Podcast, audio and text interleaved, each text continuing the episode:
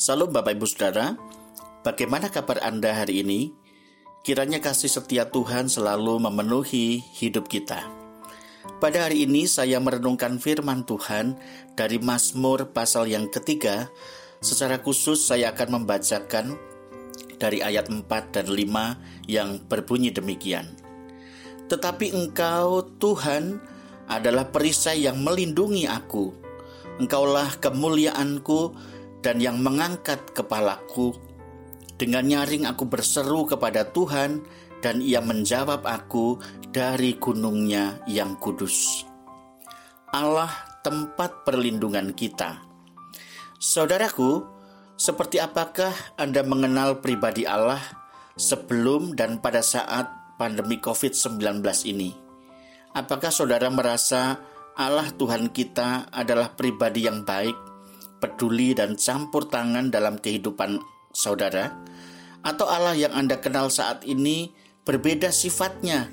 Kalau dulu sebelum pandemik, Allah adalah pribadi yang baik.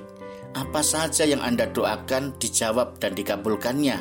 Tetapi saat ini Allah seperti membiarkan apa yang sudah Anda doakan dan rasanya dia kurang peduli.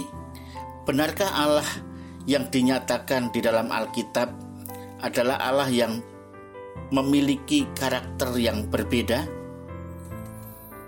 Saudara, Mazmur pasal 3 ini ditulis oleh Raja Daud ketika ia sedang dikejar-kejar oleh anaknya Absalom bersama orang-orang Israel yang menghendaki kematiannya. Bukankah kenyataan ini adalah hal buruk dalam kehidupan Daud? Saya rasa di masyarakat kita saja jika mendengar ada seorang anak yang melawan orang tuanya, itu adalah kabar yang buruk, seperti dongeng si Malin Kundang dari Sumatera Barat misalnya, atau kisah dongeng Sang Kuryang bagi masyarakat Sunda. Ini gambaran cerita tentang kisah tragis keluarga yang sangat bertentangan dengan adab ketimuran.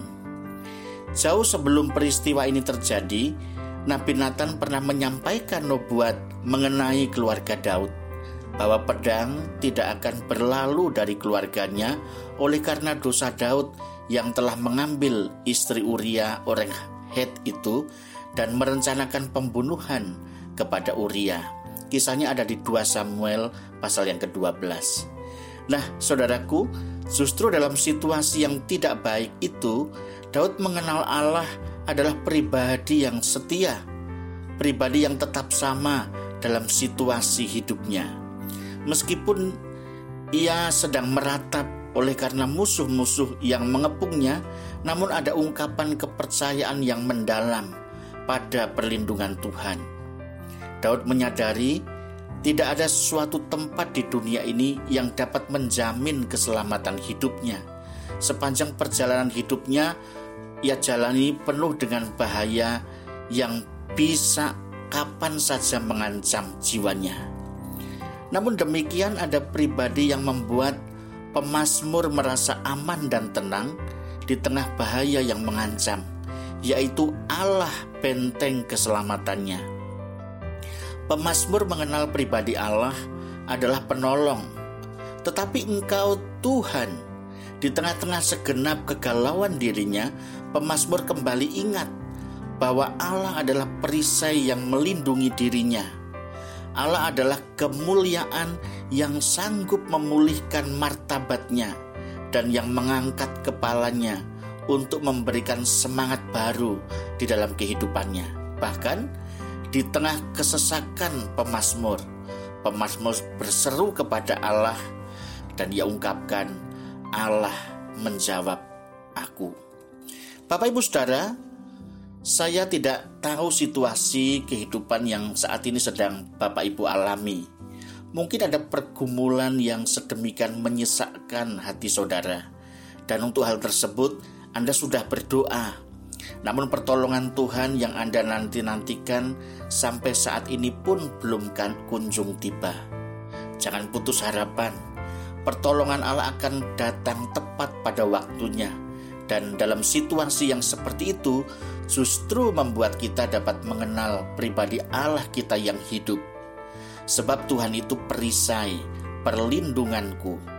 kemuliaanku, gunung batu karang kekuatanku. Hidupku pasti tidak akan goyah walaupun ada tantangan dan ancaman. Pribadi Allah yang seperti apa yang saat ini Anda kenal ketika pandemi COVID-19 ini masih berlangsung. Selamat berefleksi, Tuhan memberkati. Amin.